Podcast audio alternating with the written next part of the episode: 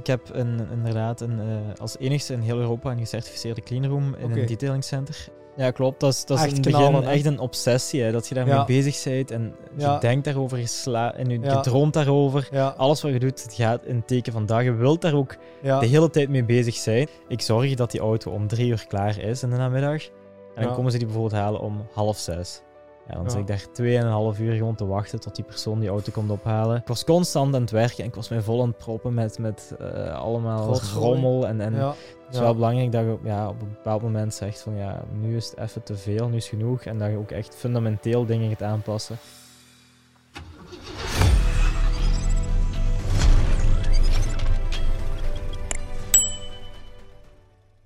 Hey, mijn naam is Jonas en welkom bij ondertussen de derde aflevering van de Young Haaien podcast. Vandaag zit er eigenlijk een goede kameraad van mij hier samen in de studio. Ik heb hem leren kennen eh, toen nog eh, tijdens mijn studie op de universiteit.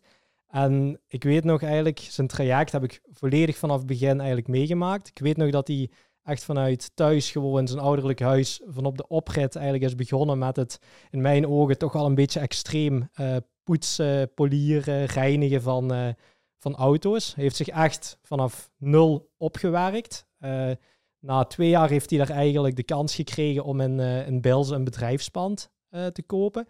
Dat bedrijfspand was eigenlijk daarvoor al gebruikt geweest, maar dat heeft hij toen volledig eigenlijk gestript. Nieuwe vloeren erin, verlicht, eh, speciale verlichting, alles erop en eraan, ook alles mooi wit geschilderd. Zelfs in zijn bedrijfspand heeft hij dan bij zijn werkplaats ook nog een speciale cleanroom laten installeren. Die cleanroom, daarin brengt hij eigenlijk coatings en eh, PPF-folie aan op eh, toch wel redelijk exotische wagens. Ehm, en laat nu net het leuke zijn dat, eh, dat we hem vandaag hebben kunnen strikken voor de, voor de podcast. Dus welkom in de studio, Brecht. Dank u, Jonas. Ja, dank u. Ik ben blij dat ik er mag zijn. Ja, heel fijn dat je, dat je all the way from eh Bilze naar hier bent gekomen. Ja, ja. Dus heel erg bedankt daarvoor. Brecht, ik zou eigenlijk heel even willen beginnen. Neem ons eens mee terug helemaal naar het begin van eh, uw jeugd eigenlijk. Waar, Ja. waar was Brecht mee bezig op jonge leeftijd? En eh, ja, Ja. Hoe, is, hoe is een beetje die, dat ondernemerschap eh, erin geslopen? Ja, ehm, ja, om te beginnen, ik ben opgegroeid in een zeer ondernemende familie. Eh, Oké. Mijn beide ouders zijn beide ondernemers. ehm, hebben verschillende bedrijven gehad, nog steeds. Ehm, Ze hebben telkens ook samengewerkt in die bedrijven.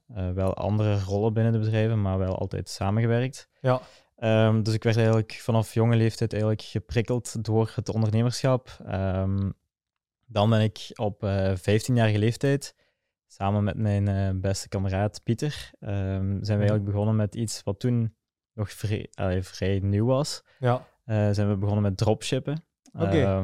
Ja. kent iedereen nu, denk ik. Nu wel, toen Ja. totaal nog niet eigenlijk. Dus zijn wij begonnen met een webshop te maken om, om eigenlijk gewoon fietsen te verkopen.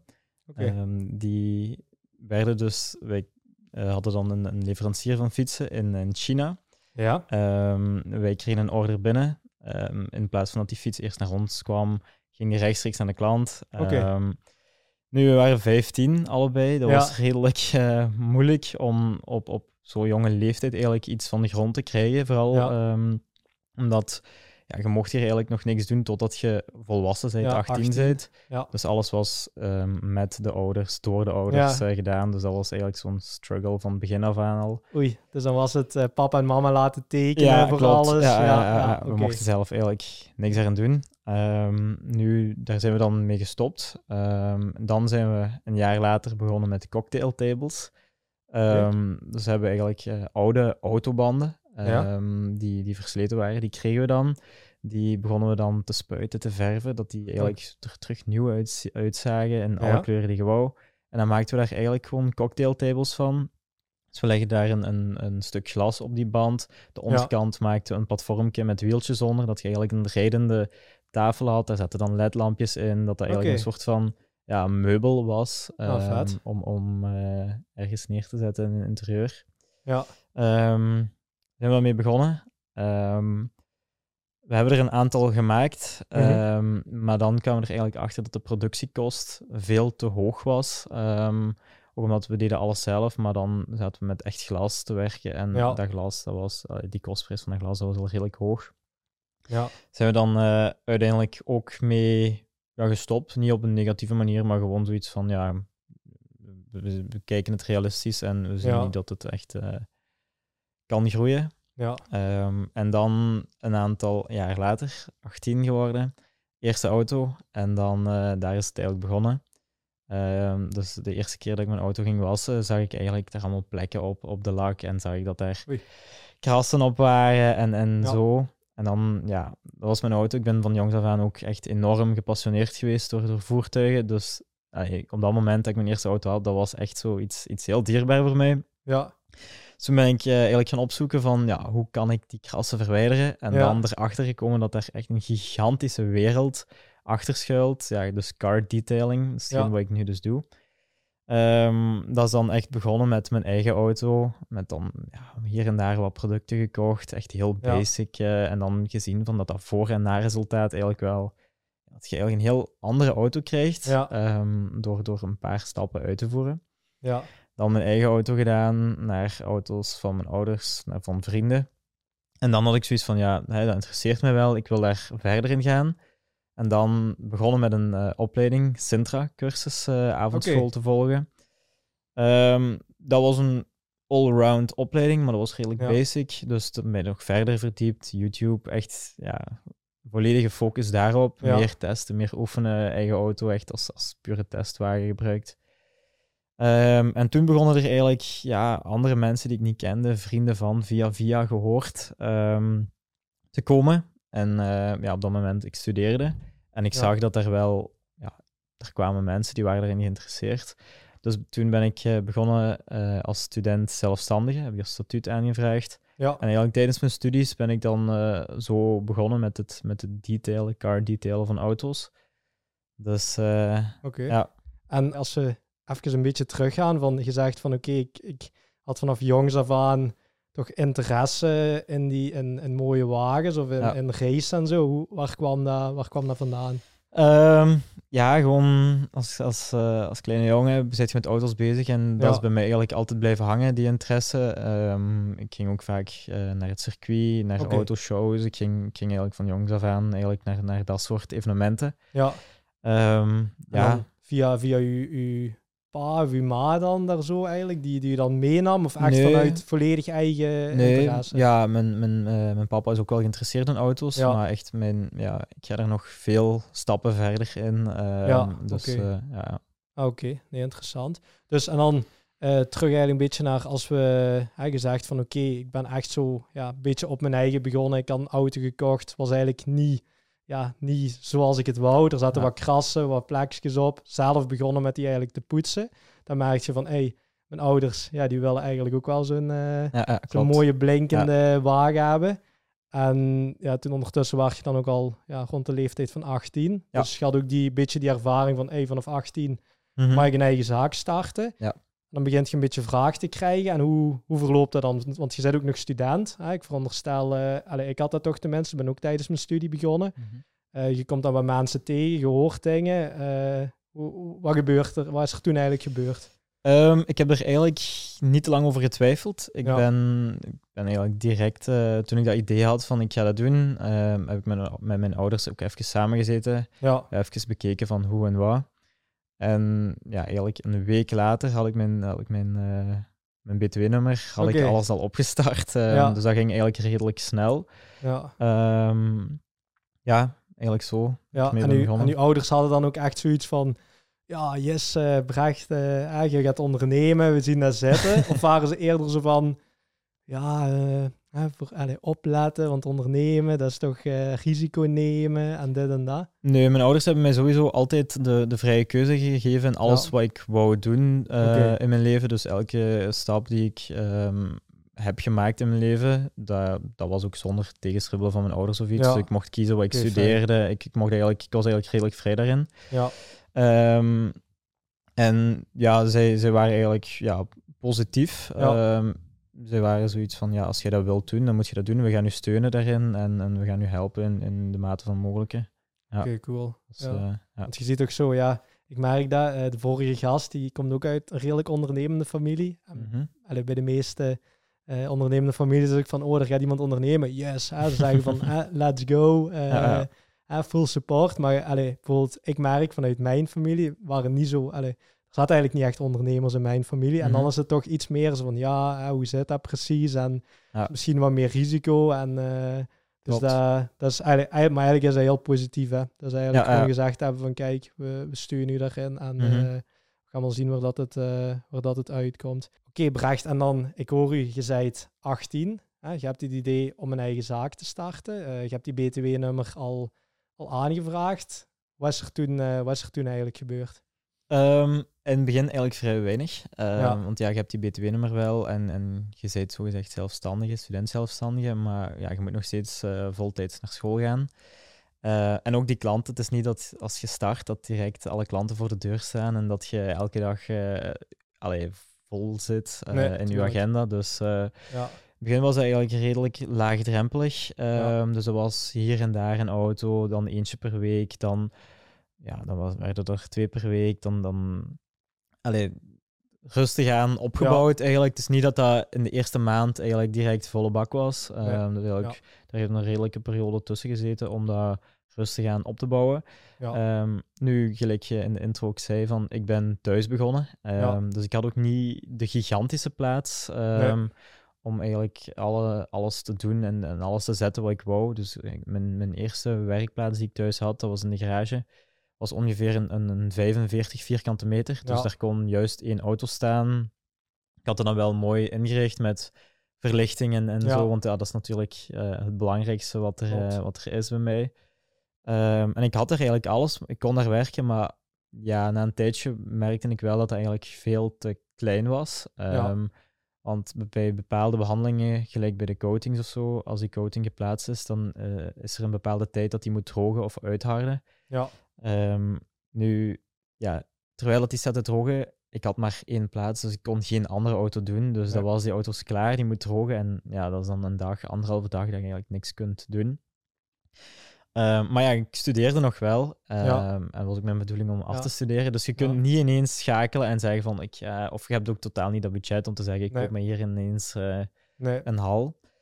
Ehm, na een tijdje werd het wel echt te klein. En dan Mhm. heb ik eigenlijk het geluk gehad dat ik bij eh, mijn vriendin, haar, eh, haar eh, pluspapa, ehm, die had eigenlijk juist een, een bedrijfshal. Maar die was nog niet volledig naar daar verhuisd. Dat Ja. was een Hasselt, dus ook heel dicht bij mijn thuis. Ehm, en ik heb dan het geluk gehad dat ik van hem eigenlijk daar mocht intrekken. Oké. Ehm, en toen merkte ik echt wel een, een grote verandering ehm, bij alles eigenlijk. Eén, je hebt een, een, een bedrijfshal, dus je hebt veel meer ruimte, meer Ja. plaats. Ehm, twee, de klanten die bij u aankomen, als die thuis aankomen, dan was het altijd zo twijfelend van, ja, die Ja. staan voor een huis, in een garage. Maakt niet uit hoe goed dat je dat doet, dat komt altijd minder professioneel Ja. over dan dat als Ja. je voor een bedrijfshal staat. ehm, een mooie nieuwe bedrijfshal Ja, waar dat uw materiaal staat, waar die auto binnen staat, dat is heel anders. Ehm, plus ik had dan het voordeel van, van het oppervlakte van de auto's. Ik kon daar niet één auto zetten, niet twee, ik kon daar drie, vier auto's zetten tegelijk. ja, Dus eh, dat was voor mij echt wel een hele openbaring. Ehm, ja. Dan heb ik daar eigenlijk ehm, ja, twee, drie maanden gezeten. En toen eh, ben ik echt wel actief gaan zoeken naar, naar een eigen pand, om een eigen pand te zoeken, omdat ik zoiets had van, ja, dit is wel echt een grote verandering, dit moet ik echt hebben, permanent. Maar ik wist ook wel dat ik daar niet voor altijd kon blijven zitten. ja. Ehm, dus ja, toen zijn we gaan zoeken, hebben we eigenlijk ehm, ja, redelijk in de buurt, eh, redelijk dichtbij ook nog een, een heel mooi pand gevonden. Het enigste nadeel van dat pand was dat dat, ehm, dat was volledig leeg. Daar was niks. Er was geen enkel Ja. stopcontact, daar was geen één verlichtingspunt, daar stond Ja. niet eens een, een eh, er stond echt niks. Niks. Oké. Ehm, gelijk je ook al zei, verlichting is enorm belangrijk, dus ik heb dat echt nodig om te Ja. werken. En om constant te werken met, met, met losse verlichtingspunten, dat was ook eigenlijk niks. Ehm, ik wou natuurlijk direct toen we dat pand, want we hebben dat dan uiteindelijk gekocht, ik wou daar eigenlijk direct ingaan. ja, Ehm, maar met het advies van mijn ouders was het ook zo van, ja kijk, wacht gewoon nu even, we ver, allee, verbouw dat eerst volledig, Ja. wacht tot dat klaar is en ga er dan in. Niet dat je Ja. zo stukje bij stukje bij Ja. stukje moet doen en dan elke keer als je dat gaat verbouwen, dat je dan weer een maand bijvoorbeeld niet kunt werken als de vloer moet geplaatst worden of als je gaat verven, dat alles er terug uit moet en zo. ja. Dus eh, dan, ja, dan, dan blijf je inderdaad zo'n beetje, beetje bezig. Ja. En Pracht, als je dan kijkt van hoe, hoe lang was je toen eigenlijk al bezig? Dus eigenlijk vanaf het punt van, ja, je begint met je, met je car detailing, Mhm. tot aan het punt van, hey, hier komt een bedrijfspand te koop Ja. en ik kan daar eventueel eh, in gaan zetten. Ehm, dus ik denk dat ik twee jaar echt thuis heb gezeten. Eh. Iets meer dan twee jaar. Ja. ehm, echt in de garage. Dan ehm, heb ik dan, ja, na drie maanden zijn we beginnen zoeken. Dan hebben we dat ook, ja, dat gevonden. ehm, hebben dat gekocht. Ja, En ik denk dat het ongeveer een 10, 11 maanden heeft geduurd vanaf de eerste plannen. ehm, inclusief dan de volledige verbouwing. ja. Voordat ik echt ben ingehuisd. Want ik ben nog steeds veel te vroeg ingehuisd. Het was nog steeds ja. niet 100% klaar, maar ik kon niet meer wachten. En Nee. ik ben er gewoon ingegaan. ehm, maar dat is ongeveer een, een vier jaar, vier jaar en een, paar maanden dat dat was geweest van dat ik ben begonnen. En dat ik echt in, in het pand zat, terwijl het echt, ja, pand is zoals ik het eh, Zoals jij het eigenlijk nooit had kunnen dromen dat ik het eigenlijk Ja. zo had. Ja, ja. Ja, want het is, het is echt, eh, ik ben er al een paar keer geweest. Het is echt eh, volgens mij een van de vetste werkplaatsen van heel België, misschien zelfs ja. van heel Europa geworden. ja, het was echt de bedoeling om ehm, echt een heel clean omgeving te hebben. Ja. Dus alles is wit, de vloer is wit, de muren zijn wit, het plafond is wit, alles is geverfd, gespoten. Ja, Ehm, heel strakke verlichting. ehm, overal, overal echt meer dan voldoende verlichting, zodat elk ehm, vuiltje, elk krasje op de auto gezien kan worden. Ja. Ehm, dus ja, dat is wat jij nodig hebt eigenlijk. hè? klopt. Ja. Dus, eh, en dan veronderstel ik van, ah, je, zit, ah, je, je koopt dat pand, daar is letterlijk niks. Zit je toen echt iemand ah, gaan zoeken van, hey, eh, die moeten van A tot Z. ah, ik ga zelf een plan ontwerpen en Mhm. ik wil dit daar en ik wil dat daar. Of, of heb je zoiets gehad van, eh, ik, ik laat die firma dit doen en dan moet ik weer de volgende gaan zoeken en dan laat ik die weer dat doen. Of hoe heb je, hoe heb je die verbouwing aangepakt op die leeftijd? Ehm, begonnen met eigenlijk een, eh, een architect Mhm. ehm, die de plannen had uitgewerkt. Nu, ik had op voorhand wel al duidelijk een visie hoe dat ik het wou. Dus ik wou die verlichting, ik wou dit, ik wou dat het wit was. Ik, dus ik, ik heb eigenlijk de meeste input zelf gegeven en hij heeft het dan eigenlijk ja, getekend, omgezet eh, in, in, in bruikbare dingen waar dat de, aannemer mee, eh, mee aan de slag kon. Ja, Dus, Dus want allee, ik weet hier ook, ja, hier hebben we ook mensen. Ik heb een kantoorruimte van, on, allee, van onder eigenlijk een keuken, ontvangstruimte hierboven eigenlijk waar dat we nu zitten, een kantoor. Ik weet dat dat allemaal zo belachelijk veel tijd kostte. mhm. Hoe, allee, hoe heb jij dat meegemaakt? Was dat, allee, was dat gewoon, zeker ook, ik denk die periode was zo, de materiaalprijzen waren allemaal in één keer de hoogte ingeschoten. Iedereen in de bouw had het ook heel druk. Ja. Ehm, is dat heel vlot bij u gegaan? Of, of is dat... Ehm, eigenlijk alles is heel vlot verlopen, behalve eh, het glas. Ik heb redelijk Oei. veel glas eh, Ja. staan bij mij. Dat is eigenlijk het enige wat een vertraging heeft opgelopen. Voor de rest Ja. is eigenlijk redelijk ah, alles heel vlot eh, verlopen. Ja, Dus eh, daar heb ik niet over te klagen. oké. Ehm, het was wel zo, elke vrijdag was werkvergadering, maar ik, ik zat nog op school, dus ehm, Ja.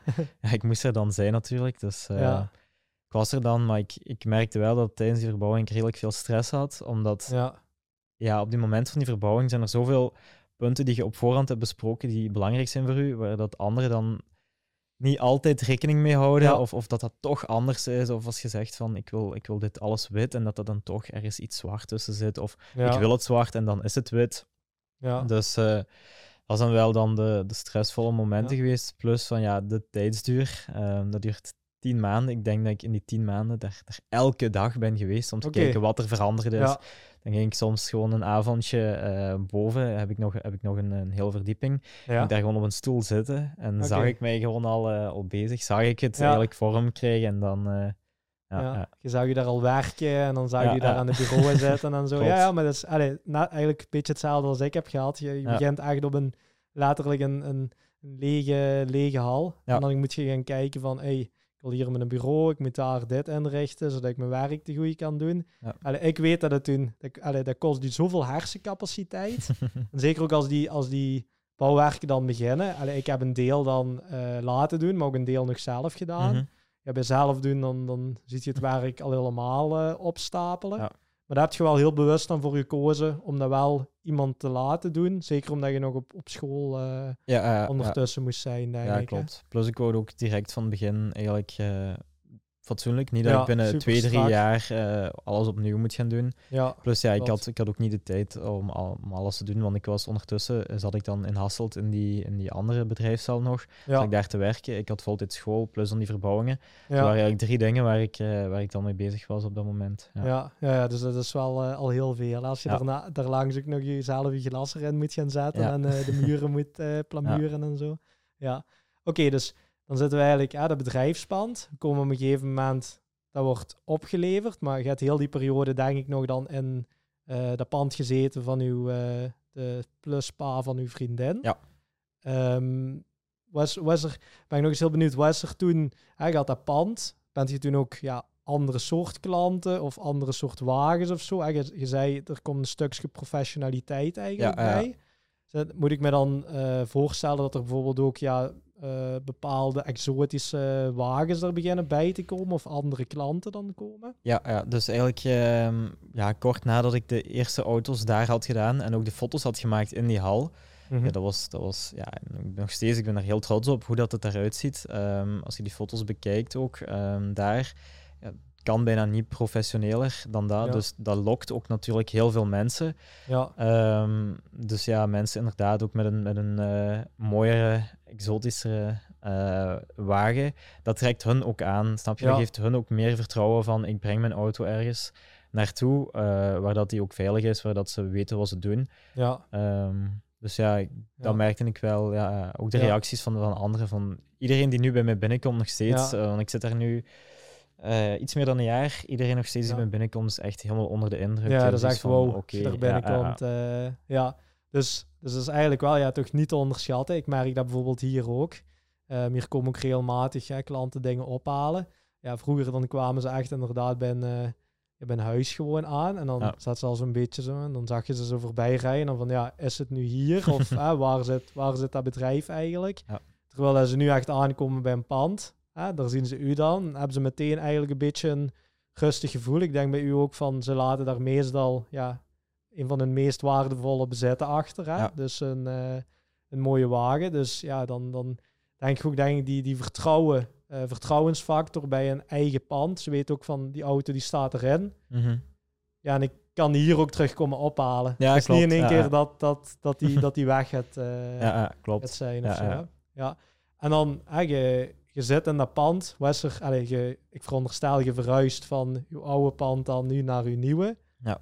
Wat is er toen gebeurd? Hoe heb je dat ervaren? Ehm, ja, ik ben dus verhuisd eh, naar dat nieuw pand. Ehm, en toen merkte ik eigenlijk dat ik eh, ja, alles eh, in één keer wou hebben Oei, van materiaal. Ehm, dus ik ben toen ook ja, gaan investeren in, in de bruggen, de autobruggen, Ja, speciaal infraroodlampen. Ik had boven mijn verdieping, ja, dan moest mijn bureau komen. Ik moest dat ook een bureau hebben. Dus de Ja. inrichting eigenlijk van dat pand heeft dan ook nog eh, een aantal maanden geduurd. Eh, ik heb dus ook een, een kleine shop bij mij, een kleine winkeltje. Ehm, mijn bedoeling was nooit om daar een, een gigantische winkel van te maken. Mijn bedoeling Ja. is eigenlijk, ehm, wanneer dat een, een klant zijn auto heeft binnengebracht bij mij en die heeft een behandeling laten uitvoeren, ehm, dat hij eigenlijk ook bij mij de producten kan kopen om, om de auto daarna te onderhouden. Ja. Niet dat hij daarna, ik weet niet wat voor producten gaat halen en dat dat eigenlijk ja, niet de juiste produ- producten zijn. Ehm, dus ja, eigenlijk puur als ondersteuning van de behandeling heb ik dan een kleine shop. Maar ja, je hebt dan ook rekken nodig, je hebt een, je hebt een kassa Ja. nodig, dat moet ingekleed zijn. ja, Want zo'n kale hal, ja oké, dat is strak, maar dat is ook niet ja. ja, ja, dat is ook Dus, heel eh, strak dan. Ja, dus, ja. dat moest wel allemaal aangekleed worden. Dus eigenlijk de aankleding, ehm, aankoop van, van alle andere materialen ehm, en zo. Dat waren de eerste stappen. En toen heb je, want ik, ik denk ook dat je toen een, die shop heb je zelfs uitgebreid ook nog naar een webshop, meen ik me te herinneren. ja, ja, ook weer dezelfde insteek van Ja. het is niet mijn bedoeling om de allergrootste webshop te Nee. creëren of, of iets. Mijn, mijn bedoeling is echt gewoon puur klanten die ik al heb, waar ik behandelingen bij heb gedaan, dat die gewoon weten van kijk, alles wat ik daar in die shop koop, dat is veilig om te gebruiken op mijn auto. Dat Ja. is klantvriendelijk om te gebruiken, hè, want er zijn heel veel producten. Eh, maar wat, gebruik, allee, wat is nu makkelijk, hè, bij wijze van spreken, om te gebruiken? ja, Eh, en vooral wat is veilig? Want als een, als een auto gecoat is of die heeft een PPF-folie erop, ja, dat is, ook, dat, is een, Ja. dat is een investering die die klanten doen. Die willen dat natuurlijk ook onderhouden. En dan Ja. ook belangrijk dat je dat doet met de juiste producten. ja, klopt. Dus, eh, dus ik moet eigenlijk een beetje het zien als van die producten die je in je shop hebt, die zijn complementair op je detailing. Ja, ja. Eh, als klanten onderhoudsproductje willen hebben, oh hier, ik pak het van de schap, Ja, eh, klopt. ik geef je die mee. Dus het is eigenlijk nooit de bedoeling ehm, om echt die productbusiness, eh Nee, om nee, daar heel hard op internet dat te gaan, eh, te gaan pushen eigenlijk. Nee, klopt. Ja. Oké, dus je hebt uw winkeltje ingericht, je hebt u, begint eindelijk een beetje vorm in te komen. Beginnen dan de eerste klanten vanzelf te komen? Of hoe, Ehm, op dat moment eh, ging het al redelijk goed. eh, Mhm. Omdat ik ook in die bedri- vorige bedrijfszaal was ik ook al, al serieus aan het groeien. Ja. Ehm, Dat was ook juist de periode eigenlijk eh, dat ik in die vorige bedrijfszaal was ingetrokken, was ook tijdens COVID. Oké, Ehm, nu, voor mij was COVID eigenlijk een heel positieve periode, omdat vooral met de interieurreinigingen. ja, want ja, op dat moment iedereen wou alles gedesinfecteerd hebben. Ja. Ik, allee, mensen brachten een auto naar mij toe om eh, totale interieurreiniging, ozonbehandelingen eh, te doen. Dus op dat vlak is het voor mij wel heel positief geweest. Eh, Ja. en Daar ben ik echt door kunnen groeien. ja. Ehm, Dus dat is eigenlijk een, een, een beetje een boost geweest zelfs op een eigenlijk toch wel ja, vreemd moment. dat ja, je daar klopt. een beetje hebt mee kunnen Ja. op meesurfen. Ehm, en dan, je begint die klanten te doen. Ik veronderstel, dan komt er een beetje cashflow in je bedrijf. Mhm. En dan heb je ook iets meer de ruimte om wat investeringen te doen. En dat kwam dan misschien net op het juiste moment ook hè, met, Ja. die, met die pand waar je dan Ja, moest, gaan, eh, moest gaan inrichten. Klopt. Ja. En die, eh allee, die eerste klanten, hè, die, die komen aan in uw, in uw gloednieuwe pand. Eh, Mhm. Hoe heb je dat ervaren? Of, of, of hè, zijn, er, zijn er dingen toen ehm waar je van zegt van kijk, ik deed eerst meer die reiniging van de interieurs. Maar Mhm. toen is er misschien iets anders bijgekomen. Want ik hoorde ook al over coatings en PPF. Ja, ik weet nu een beetje wat dat is, maar dan moet je toch iets meer eens uitleggen. Ehm, klopt. Dus eigenlijk in het begin kreeg ik eh, heel vaak auto's voor interieurreinigingen. Dus eigenlijk redelijk basic eh, behandelingen. Ja, Ehm, nu, ik ben mij verder gaan specialiseren in de detailing. Ehm, dus ja, dan gaat het over polijsten van auto's, eh, aanbrengen van keramische coatings en dan de paint protection films, dus de PPF's. Mhm. Ehm, dus een keramische coating eh, is dus eigenlijk een, een soort van, eh, wordt vloeibaar aangelegd, een, een vloeibare beschermlaag, ja, wordt op de auto aangebracht, ehm, wordt daarna geleveld, eh, dat er geen highspots zijn en dan wordt die ook ingebakken met infraroodlicht oké. beschermt de, de laklaag eigenlijk tegen UV-licht, ehm, tegen, tegen ja, alles wat in de natuur voorkomt, dus de zure, zure regen. Ja, ja, een, een coating gaat niet per se echt direct tegen krassen gaan beschermen. Ehm, het is indirect wel, maar direct niet. ja, Ehm, en ook ja, het, het hydrofobe effect, waar iedereen waarschijnlijk al filmpjes van heeft gezien, dat het Ja. water, de bolletjes, de druppels... heel eh, makkelijk wassen. ja, wassen, drogen is, is een heel, eh, allee, een heel vooruitgang qua, qua makkelijkheid, qua tijdsduur. ehm, dat je er ook moet insteken, dat verkort heel veel. Ja, plus dan ook, ja, de auto heeft een extra glans. Die blinkt eigenlijk veel Ja, meer. gelijk een eh, spiegel. ja, Ja. eh, klopt. Eh, en dan ben ik eigenlijk mij daar meer in gaan verdiepen. Ook meer de focus gelegd op die coatings. ja, Ehm, ik doe nog steeds op, tot op dit moment de interieurreinigingen ook. Ehm, maar dat is op dit moment eigenlijk meer als een opvulling van, ehm, van, van de wachttijden dat ik nog steeds heb van eh, wanneer een, een PPF moet drogen of iets. ja, Eh, want als we dan gaan naar de PPF, dat is de Paint Protection Films, kun je Ja. eigenlijk vergelijken. Dus dat is een, een, een doorzichtige folie die op de Mhm. auto's wordt aangebracht. Kun je een beetje vergelijken met je gsm, met een screen protector die erop ligt. Ehm, dus echt een, een bescherming ehm, voor de laklaag. Doorzichtig, je ziet er eh, zo goed als niks van. Ik zeg zo goed als. Ehm, Ja. Je gaat hier en daar af en toe toch nog een randje zien. Maar dat is, dat is tegen steenslag, tegen krassen, tegen vandalisme. Echt, echt de, de, de beste bescherming die je kunt hebben voor een auto, ja. eh, is dus de PPF. Ja, ja. Want ik weet, en ik zei het al een beetje in de intro, van je hebt dan ook een soort van speciale ruimte, volgens mij. Ja, die, die clean room. Hoe, ja, ja, klopt. hoe, hoe werkt dat dan eh, precies? Ehm, dus ik heb een, inderdaad een, eh, als enigste in heel Europa een gecertificeerde cleanroom in Oké. een detailing center. Ehm, allee, waarom is dat belangrijk? Voor de coatings is het eigenlijk heel belangrijk dat de coatings eh, telkens op een, een, een bepaalde temperatuur en vochtigheid worden aangebracht. Ja, Ehm daarvoor het droogproces eigenlijk van de coating eh, en ook de hechting van de coating te kunnen optimaliseren. mhm, Ehm, dus als het bijvoorbeeld in de winter ergens in een ander eh, bedrijf heel koud is, Ja, eh, ja, dan, dan gaat die, die wachttijd dat gaat heel anders zijn dan bijvoorbeeld in de zomer wanneer het eh 30 graden is in de hal. ja, gaat heel anders zijn. En ehm, dan moet je eigenlijk als detailer kunnen aanpassen daaraan. ja, Maar je kunt dat nooit 100% juist doen, snap je? Ehm, Dus de fabrikant van de coatings die zegt van kijk, dit is de, de tijd dat de coating op de auto moet blijven ja, op deze temperatuur en deze vochtigheid. Nu, ik kan mij daar perfect aan aanpassen. Ik kan altijd op elk moment zeggen van ik wil die temperatuur, die vochtigheid. En dat blijft ook constant, eh, jaar in, jaar uit, of het nu zomer is of winter is. Ehm, dus daarvoor gebruik ik die ruimte voor de coatings. Ehm, nu, ik heb echt een cleanroom eh bij mij staan dan voor de PPF-folies. Ehm, omdat het een doorzichtige folie is, is het natuurlijk heel belangrijk dat er niks onder ligt, onder Ah die ja, folie. stof en... Ja, ja. dat is inderdaad het, het grootste probleem ehm, bij die folies, omdat die doorzichtig zijn. Eens als er iets onder ligt, net gelijk bij je gsm, bij de screen protector, als er een stofdeeltje onder zit, Dan zit er voor altijd onder en je Ja. kijkt daar de hele tijd op en dat Ja. stoort u en dat je kunt dat niet weghalen, tenzij dat je de folie eraf haalt. ja, Dus ehm, ja, dus ik heb die ruimte dan ehm, ehm, ja, puur om, om stof te kunnen ja, vermijden ja, onder de folies om, om een zo mooi mogelijk effect te hebben. Plus, ik heb dan ook geïnvesteerd in een, in een plotter. Dus in plaats van eh, dat de folie op de auto wordt gelegd en afgesneden wordt, ehm, heb ik eigenlijk allemaal pre-cuts. Dus op voorhand wordt eh, elk onderdeel van de auto uitgeplot. ja, ehm, dat er ook nooit snijschade kan ontstaan eh, bij, de aanbreng, bij het aanbrengen van de, van de PPF. Ja. ja.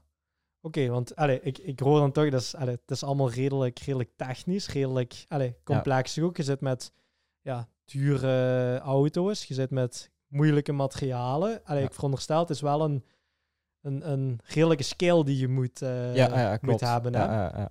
Is het, ehm allee, ik weet niet of dat je het op dit moment nog allemaal, al in het begin waarschijnlijk allemaal alleen. Mhm. Zijn er, allee, want ik veronderstel, er, loop, er lopen geen eh, duizenden mensen rond die, die zoiets specifiek eh Nee, misschien klopt. kunnen. Ik probeer het zoveel mogelijk zelf te doen. Ehm, nu, ik heb sinds deze zomer ook eh jobstudent. Oké. Ehm, dus, dus dat is al een hulp. Eh, en dan voor de, voor de folies eh, werk ik ook nog samen met twee freelancers. ehm, die mij eventueel kunnen bijstaan met het, eh, met het ja, met de aanbreng van de folies. Ja, Ehm, ja, voor als het terug is. ja.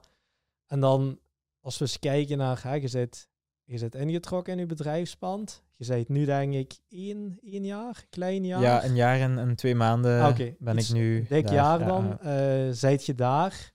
Wat is er allemaal gebeurd? Hè? Ehm, Niemand is mee in de avontuur. Veel. Ja. ik ben, eh, ten eerste ben ik afgestudeerd. Oké. Dus ik studeer nog steeds. Ehm, de eerste twee maanden dat ik was ingetrokken, studeerde, studeerde ik nog. ja, Ik ben afgestudeerd. Dus dat was al een hele, een opluchting. hele opluchting voor Ja. mij. Dat ik me echt volledig kon focussen op, op het werken, op, op, op het detailen. Maar toen heb je direct wel de stap gezet van, ik ga niet eerst ergens anders werken. Nee, nee, ik nee. ga direct... op dat moment was ik al eh ja, 4,5, 5 jaar bezig. Ja, Dus voor mij was het al heel duidelijk van ik wil Ja. daarmee verder. Plus, ja, je hebt heel dat pand. ehm, ja. je hebt die investering, je moet wel verder. Ja, eh, je eigenlijk hebt, je hebt gaan, eigenlijk dus, toen de eh, commitment bij dat te, te, te kopen al van, hey, mhm. ja, er Ja, ja. bijna niks anders op dan, Ja, dan ja, hier plus verder. Op dit, ja, ik, nu nog steeds, ik, ik doe het echt heel graag. Ik zou ook niks anders willen doen. Ehm, ja, doe Ja. echt heel graag. Ja, want voor de luisteraars, hè, ik ken weinig eh, jonge ondernemers die zo fucking hard werken als Brecht. Hè. Dat is echt... eh ja, dus, allee, dus, eh, ik denk dat dat zeker een compliment is. Ja. Ja, natuurlijk, te veel werk is niet altijd goed. Maar het is, allee, ik denk dat, dat je ook wel van die mening bent. In het begin is het gewoon, als je een eigen zaak hebt, ja, dan, dan is het gewoon husselen. Hè. Dan is het gewoon Moet. gas geven en eerste stappen maken. En zorgen dat er ja, toch een beetje inkomsten zijn. Hè. Want dan, Ja. dan kun je ook groeien, denk ik. Hè. Ja, klopt. Ja, ja, telkens eh, betere materialen, betere machines, ehm, alles ja, continu upgraden. Ja, ja Ja. en daar zijn, dat is de harde realiteit dat er wel wat centjes voor, eh, voor nodig zijn. Hè? En dan, ehm, ja, qua, qua klanten, wat is er gebeurd? Hè? Begon ik op een gegeven moment, hè, want je gaat fulltime doen. Dus ik veronderstel, ja, je ging eigenlijk van studeren, ik doe het er een beetje bij. Of ja, niet bij, maar toch, allee, maar x aantal uren per dag en dan misschien in het weekend. Ja. Maar je hebt in één keer een, een volledige bedrijfspand, een hoop kosten gedaan.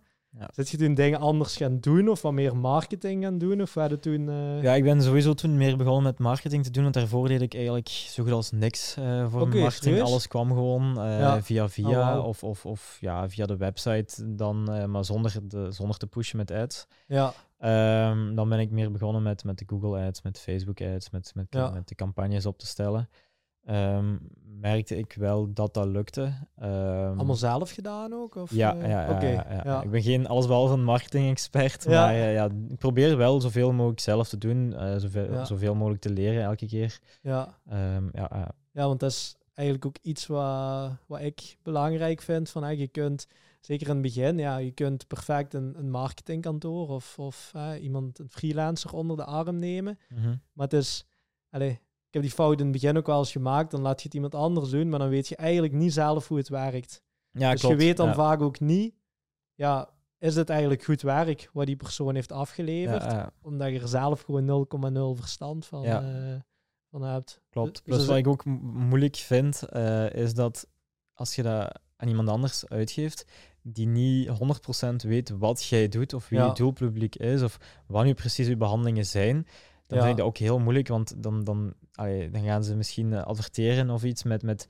valse informatie, want Ja, eh, daar heb ik ook van, van, van anderen voorbij zien komen, dat ik Ja. denk van, oef, Ja, ja want ik, ik, ik denk ook, hè, ik zit ook redelijk in een niche, audiovisueel materiaal. Ja, je zit echt in, ja, die car detailing is ook wel eigenlijk een beetje een niche. Ja.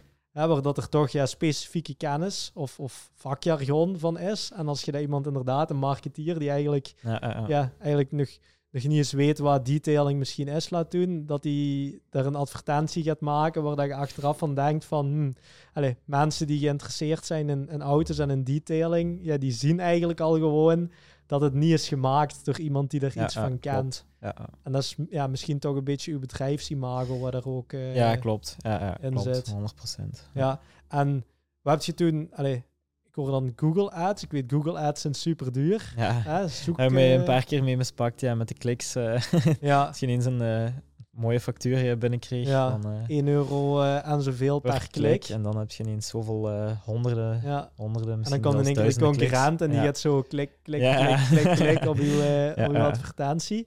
Dat je, heb je toen gemerkt van eh, die bepaalde advertentiesoorten die werken beter voor mij of zo? Ehm, mm, via Google werkte het eigenlijk sowieso wel het beste. Eh, maar het was, het was Ja. het duurste, maar ik haalde daar het meeste uit. Ja. Ehm, want op Facebook, ja, dat zijn altijd mensen die dat toevallig tegenkomen. Niet Ja. iedereen per se daar naar op zoek. Terwijl als ze op Google iets gaan opzoeken al specifiek, dan is de kans ook echt groter dat ze Ja, daar naar op zoek zijn eh, om dat te doen.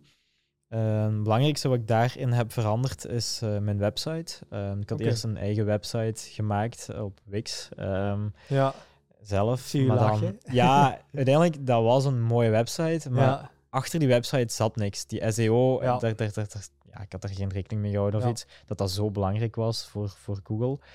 Ehm, dus heb ik eigenlijk eh, mijn website toch uitbesteed aan een ander bedrijf. Ehm, dus, dus ze hebben dan wel eh, de juiste aanpak daarin genomen. Dat, dan ziet je ook ineens dat je van pagina 2 naar ineens pagina 1 gaat. En, en dat eigenlijk je bedrijf wel eh, beter begint te scoren. Dat je makkelijker te vinden bent.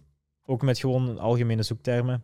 ja, Eh, want daarvoor was het eigenlijk specifiek echt dat de mensen moesten opzoeken Ultimate Car Detailing. ja, Eh, soms zelfs erachter Genk of, of toen En of Hasselt of niet. Bilze. Anders Ja. vonden ze het niet. ja. Dat is Terwijl nu is, is, is het echt al serieus geoptimaliseerd. Ja, want dat is toch de, de ASEO, hè? dus eigenlijk de organische trefwoorden en wat is het allemaal en pagina's die er, de titels die goed moeten ingevuld zijn en zo. Ja. Ja, dat je eigenlijk denk je dan iets minder geld in die betaalde advertenties moet gaan steken, omdat ze u eigenlijk gewoon al eh, ja, ja, klopt. kunnen, kunnen vinden. Ja, want op dit moment heb ik geen advertenties meer lopen. Ehm, echt puur alles organisch via de website. Ehm, Ja.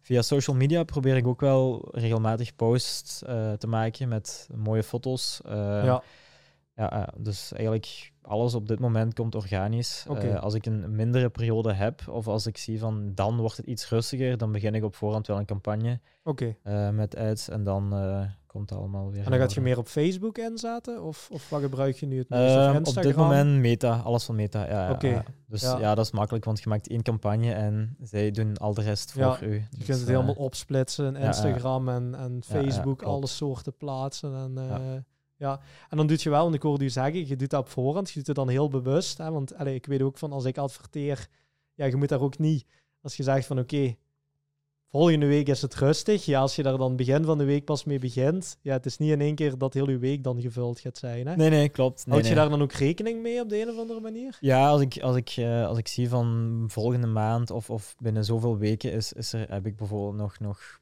nog plaats of, of eh, de komende weken zijn iets wat, wat rustiger, dan begin ik daar wel, wel op tijd mee. Ehm, nu, ik doe dat altijd, ja, ik push wel altijd. Ik doe meestal een week, maar ik push wel heel hard. ja. En dan, eh, ja, dan komen die telefoons, dan komen die afspraken binnen. En dan stop ik ook, want op dit moment, gelijk ik zei, ik ben nog steeds alleen. Ik ja. kan niet alles aannemen. Dus ja, het is, het is ook belachelijk om dan te blijven. ja, tuurlijk. Ja, eh, ja. dan ik, heb wel, ik heb wel de ambitie om te groeien, eh, Ja. maar daar vind ik op dit moment nog het moeilijkste om, om hoe dat je omgaat met personeel. Personeelskost is gigantisch hoog, dat weet iedereen. Ja. Dat weet jij zeker ook. ja, eh. ja daar, daar wou ik eigenlijk net, je, je had het zelf al aan, maar daar wou ik eigenlijk net iets dieper op gaan ingaan. Van, eh, ik veronderstel, je ziet eigenlijk die, die advertenties. Allee, ik doe dat ook. Mhm. Ehm, eh, zeker voor veilingen. Facebook maakt alleen Facebook overzicht berichten. hè, dus die Mhm. dingen die in de timeline komen. Product, zoals een soort productcarousel Mhm. gebruik ik eigenlijk altijd.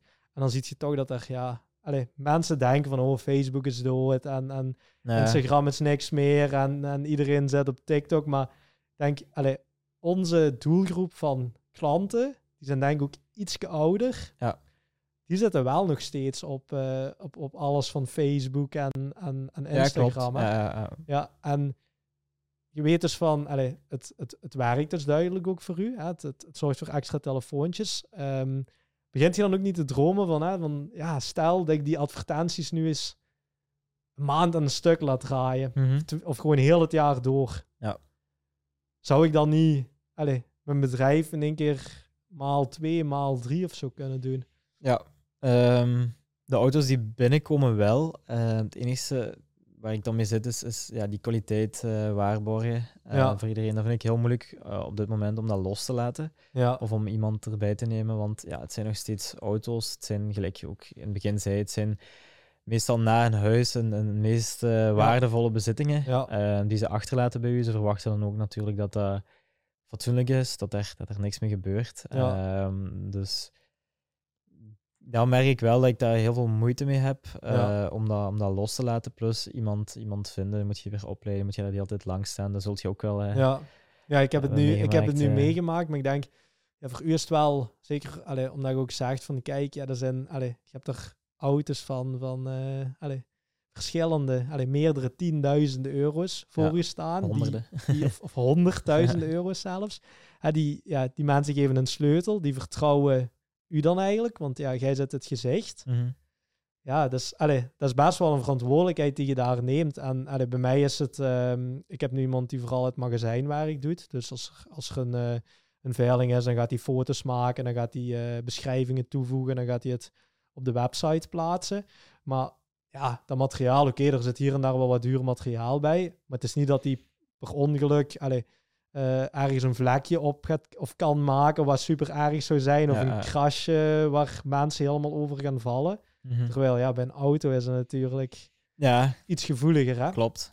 Ja. Dat is, eh, Ehm, want hoe, allee, ik merkte op een gegeven moment, ik was zoveel en zo hard aan het werken om alles rond te krijgen. Want zelfstandig, ja, dat lijkt allemaal mooi. Maar je moet wel je administratie s'avonds nog doen. Eh, of in het weekend. Je moet eh, je facturen betalen. Je moet eh, klanten opvolgen die, die dan hun factuur bijvoorbeeld niet betalen. Ja. Je moet zorgen voor, ja, voor nieuwe klanten die dan binnenkomen. Allee, je hebt heel veel verschillende soorten patches op. Hè? mhm. En allee, hoe, hoe balanceert je dat? Hoe, hoe, hoe, hoe doet je dat eigenlijk op dit moment dan? eh? Ehm, op dit moment heb ik eigenlijk... ehm, door de week ben ik eigenlijk gewoon bezig met het werk. Dus Mhm. echt met, het, met detail, met, met de crèmes coatings, met, Ja. de, met de PPF-folies. Eh, en ik heb eigenlijk elke zaterdag voormiddag voor mij vastgelegd dat ik een, een uurtje, anderhalf uurtje, ehm, alle facturen, al- alles eigenlijk administratief eh, regel. ja. Ehm, ja, eh, dan ben ik daar ook niet doorheen de week mee bezig van, oh shit, ik moet dit zelfs nog doen. Ja. Of ik moet dat binnen, ja, ik moet dat morgen nog doen. Ik heb gewoon, alles komt op een stapel, zaterdag gebeurt dat. Oké. Dus dat is voor mij ook ja, rust in mijn hoofd. Probeer het eigenlijk zo te batchen dan. Van, pak al die facturen die gemaakt of die eh, eh, nog betaald moeten worden. Ik leg dat op een stapel of ik zet dat in mijn, in mijn reminders van mijn e-mail of zo. En ik badge er eigenlijk op een uurtje, anderhalf uurtje erdoor. In plaats van alles te laten liggen. Ja, ja, Hè, en dan op een gegeven moment, eh, oei, die moet nog geld krijgen. Die moet, daar moet jij nog geld van krijgen. mhm. En dan wordt het, eh, ja, want ik, het is toevallig de vorige gast die ik had, eh, Denise, die was eerder van het principe van, ik handel liever de dingen af op het moment dat ze zich voordoen. Dat geeft mij iets meer rust. Ja. Toen heb ik haar ook gezegd van, ja, bij mij is het eigenlijk een beetje andersom. Mhm. Ik patch liever. Maar ik denk dat dat, allee, daarmee dat ik er ook naar vraag. Ja, ding is, als ik, als ik bezig ben bijvoorbeeld met, met iets, dan, dan wil ik dat echt af hebben en wil ik me daarop kunnen focussen en niet na een half uur stoppen en ah ja, ik moet dit nog doen of, of Ja, ik moet dat nog doen. Dan heb ik liever, ik, ik werk liever dit eerst af en dat ik dan... eh, ja, ja, ja. En hoe, eh, want ik hoorde u wel zeggen van, je wilt eh, wel nog wat gaan groeien. mhm. Hoe ziet je eigenlijk, hè, want je zegt van ja, personeel, allee, dat is iets wat ja, redelijk moeilijk is, omdat het, ja, je zit met zoveel waarde te werken en ook eens met zoveel skill. Hè. Mhm. Ik veronderstel als je iemand moet gaan opleiden, dan gaat je heel veel tijd in moeten steken, eh, ja, tot, totdat die waarschijnlijk de kwaliteit kan eh, aanbrengen die jij ervan verwacht. Ja. Ehm, hoe, zie, hoe ziet je dan de toekomst? Denk je dan meer het model van ah, ik ga met specialisten die dan bijvoorbeeld ja, wel freelancer zijn, dus een stuk duurder, Mhm. maar die ik kan inschakelen als het eh, drukker wordt. Maar eh, dan denk ik ook lange termijn wordt het dan misschien ook weer moeilijk als je echt, echt gaat groeien. Ja, klopt. hoe ziet je dat? Ja, dat vind ik dus een van de moeilijke dingen op dit moment nog. ehm, Ja. Want ja, op dit moment, ik kan het nog allemaal juist rondkrijgen om, Ja. om het werk gedaan te krijgen. Ja, Maar inderdaad, om, om te groeien, ik heb, want ja, elke maand wordt drukker en drukker en drukker. En Ja. eh, ik merkte ook wel dat het nu zo een beetje op de limiet begint te komen. Ja. Eh, ja. er kan nog wel wat bij, maar Ja. ehm, dat kan niet eindeloos blijven Nee, komen. nee, tuurlijk. Dus ja, ik, ik, dat vind ik een van de moeilijke punten op dit moment nog. Van, van hoe, de- hoe dat je begint met dat eerste personeelslid. ehm, ja. hoe dat je ja, dat rondkrijgt. Want je bent met twee. Ehm, merk nu ook met jobstudent, je bent met twee, maar je kunt daarom niet dubbel zoveel werk doen. Nee. Ehm, soms is dat maal anderhalf eh, Ja. of iets. Dus Zeker dat is, dat, is ook, dat is ook moeilijk Zeker in te schatten. Ja. eh, voor mij van, van hoeveel werk kan ik dan ook echt wel doen. En, en ja, Ja, ja, ja want ja, natuurlijk. eh, je zet wel gewoon met een stevige loonkost erbij. Als Ja. je iemand echt, eigenlijk ik veronderstel vanaf nul moet gaan opleiden. Ja, ik, ik denk dat je best wel wat maanden verder bent. Eer dat die, en dan slorpt die eigenlijk ook heel veel van uw tijd op. Waardoor Ja. dat jij eigenlijk de klanten die er op dat moment al zijn, ook niet echt gaat kunnen afwerken. ja, klopt. Ja, dus, dus ja, waarschijnlijk. allee, ik dacht in het begin ook hè, van ja, maar er is wel een ideaal moment dan. hè, dat ik tijd heb om die, om die op te leiden. En dat ik daar allee, rustig aan in kan opbouwen. En, en na een paar maanden die kan eh, allee, volledig alles zelf kan laten doen. Maar allee, denk dat je dat ook weet in ondernemerschap zo. Allee, dat, dat, ge- dat gebeurt vaak niet. Tenzij dat je daar heel actief mee bezig Ja, want we eh, waren er juist nog over bezig van, van je zegt wel van als er een rustig moment is, maar uiteindelijk, ja, al die rustige momenten, die, die vullen zich zo snel op dat Ja. er eigenlijk geen rustig moment meer overblijft, ehm, Ja. om dat dan uiteindelijk toch eh, te kunnen doen. Dus ja. Ja, maar je hebt wel de ambitie, alleen gezegd van, ik weet op dit moment nog niet precies hoe dat ik het in de toekomst wil doen, maar je hebt op dit moment eigenlijk eh freelan een freelancer die je dan nu en dan, of, of een paar freelancers die je dan Ja. nu en dan als je het, allee, iets hebt wat, wat op dat moment niet uitkomt of zo. Ja. Dus ik, allee, ik veronderstel voorlopig wil je het zo eigenlijk proberen. Ja, eh, dus daar ben ik nu, ja, eigenlijk van het begin van het jaar eh, ben ik zo bezig. Ja. Ehm, dat loopt heel goed. Ehm, plus ik zit dan op dit moment niet met, met die stress van ik moet die constant bezighouden. Ja. Eh, of, of, of van ja, het is niet goed, want als er iets misloopt, ja, het is nog steeds een freelancer. dus dan is jij eh, s'nachts eh alles er terug nemen Ja, en alles. ja. Ja, ja, ja. Dus, dus dat is op dit moment nog wel een, een gemak. ja. Ehm, maar ik ben nu dan wel bezig met ook heel veel samenwerkingen met, met grote grote bedrijven, grote garages. Ehm, Ja. Dus eens als die beginnen te komen met volumes, ja, dan zal ik wel moeten groeien. Ehm, Oké. Dus eh, ja, uiteindelijk, dat zal wel komen. Ja, oh, dat is, maar dat is nog wel heel, heel interessant. Dus ik veronderstel, zijn er dan eh garages die nieuwe auto's afleveren of net de tweedehandswagens die terug helemaal opgemaakt moeten worden? Allebei. Allebei. Ja, ja, ja. Dus we verkopen de used cars, maar ook echt spliksplinter nieuwe auto's. Ja. En ja, je hebt een, een andere insteek. Hè. Dus bij de tweedehands eh, auto's zijn het auto's die meestal aangekocht zijn door de garage. Mhm. Ehm, die zij dan opnieuw willen gaan verkopen. Maar om Ja. die dan ja, zo mooi mogelijk, ook voor hun eh, mooi mogelijke winst ervoor te krijgen, eh, komen die dan langs bij mij, worden die volledig terug op punt gezet. ehm, worden, wordt die gepolijst, dat alle krasjes weg zijn, dat die terug mooi blinkt, dat de dofheid uit de lak is, het interieur wordt volledig gereinigd.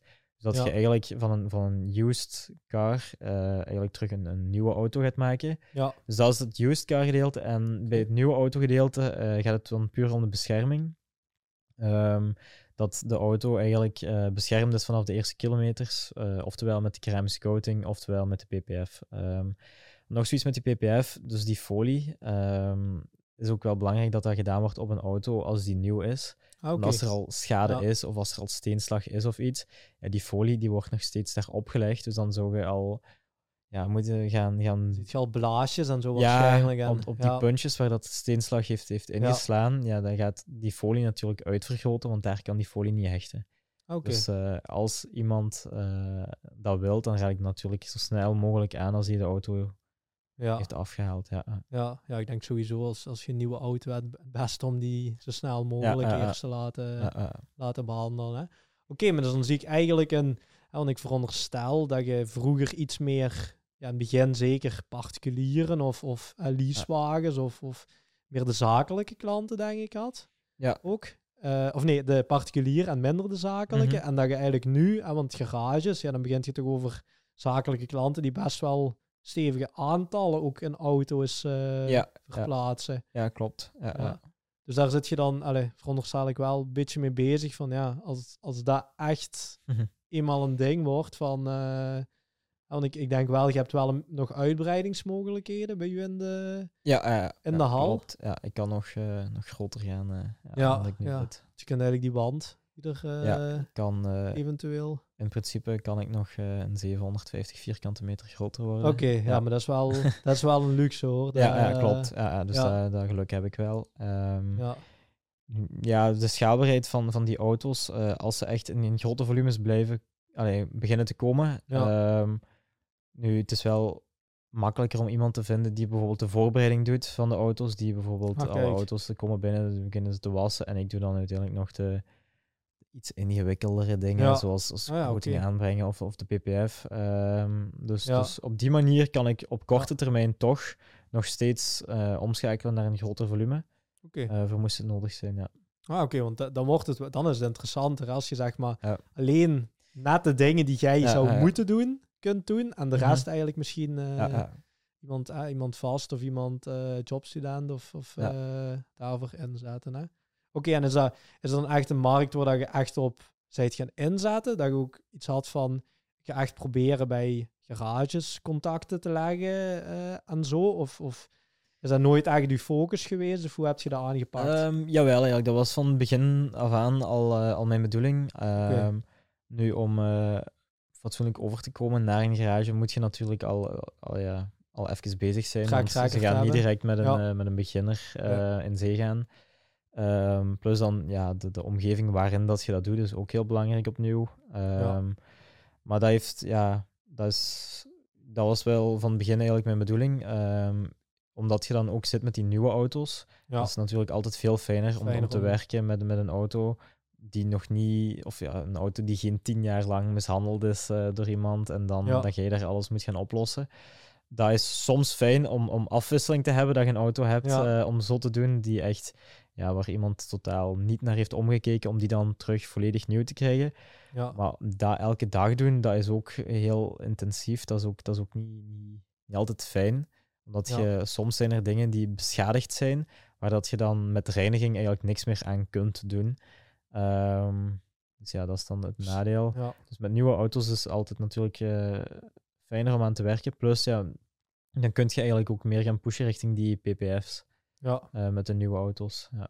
ja. Dus dat is eh, ja, toch nog steeds dan een interessantere, want je hebt er waarschijnlijk veel minder voorbereidingswerk, veel minder, Ja, of, of, of toch een stuk minder ja, Ja, polijst werk, om, want anders moet je er eerst alle krassen en Mhm. alle oneffenheden en Ja, vlekjes en dit en dat uit gaan halen. Soms is dat wel, wel fijn als je zo'n auto hebt die echt, ja, echt helemaal begaaid is. Ja, Ehm, om, ja. om een auto eigenlijk van, van 30%, laten we zeggen, naar 85% te krijgen. Dat is soms wel meer rewarding dan een auto die al, die bijvoorbeeld eh, paar duizend kilometer heeft Ja. gereden, die bijvoorbeeld 85% is, om die dan naar 95 Ja. richting, richting de 100% te krijgen. Het verschil is veel kleiner, dus soms is dat wel heel rewarding om zo die voor en na te zien van die auto's. ja, Dat tuurlijk. je echt zo ziet van, ja, kijk, dit was ervoor, dit was erna. Kijk, een heel andere auto. Terwijl bij nieuwe auto's, ja, die zijn nieuw. Ja. Ehm, dus dat Ja. verschil is meestal minder groot. minder. Ja. Maar op lange termijn voor die bescherming is dat natuurlijk wel... eh, ja. Diezelfde auto, als je die drie jaar later eh, terug, klopt. Ja. terug ziet voorbij rijden, dan, dan eh, denk je van, oh,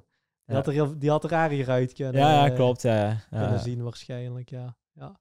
Precht, als je zo eens... ja, we hebben een beetje nu het traject gehad van echt de jeugd helemaal in het begin. begonnen echt met dropshipping, producten maken. Om dan te evalueren naar eigenlijk een volledige werkplaats. Alles erop en eraan om aan de zotste en duurste auto's te werken die er bestaan.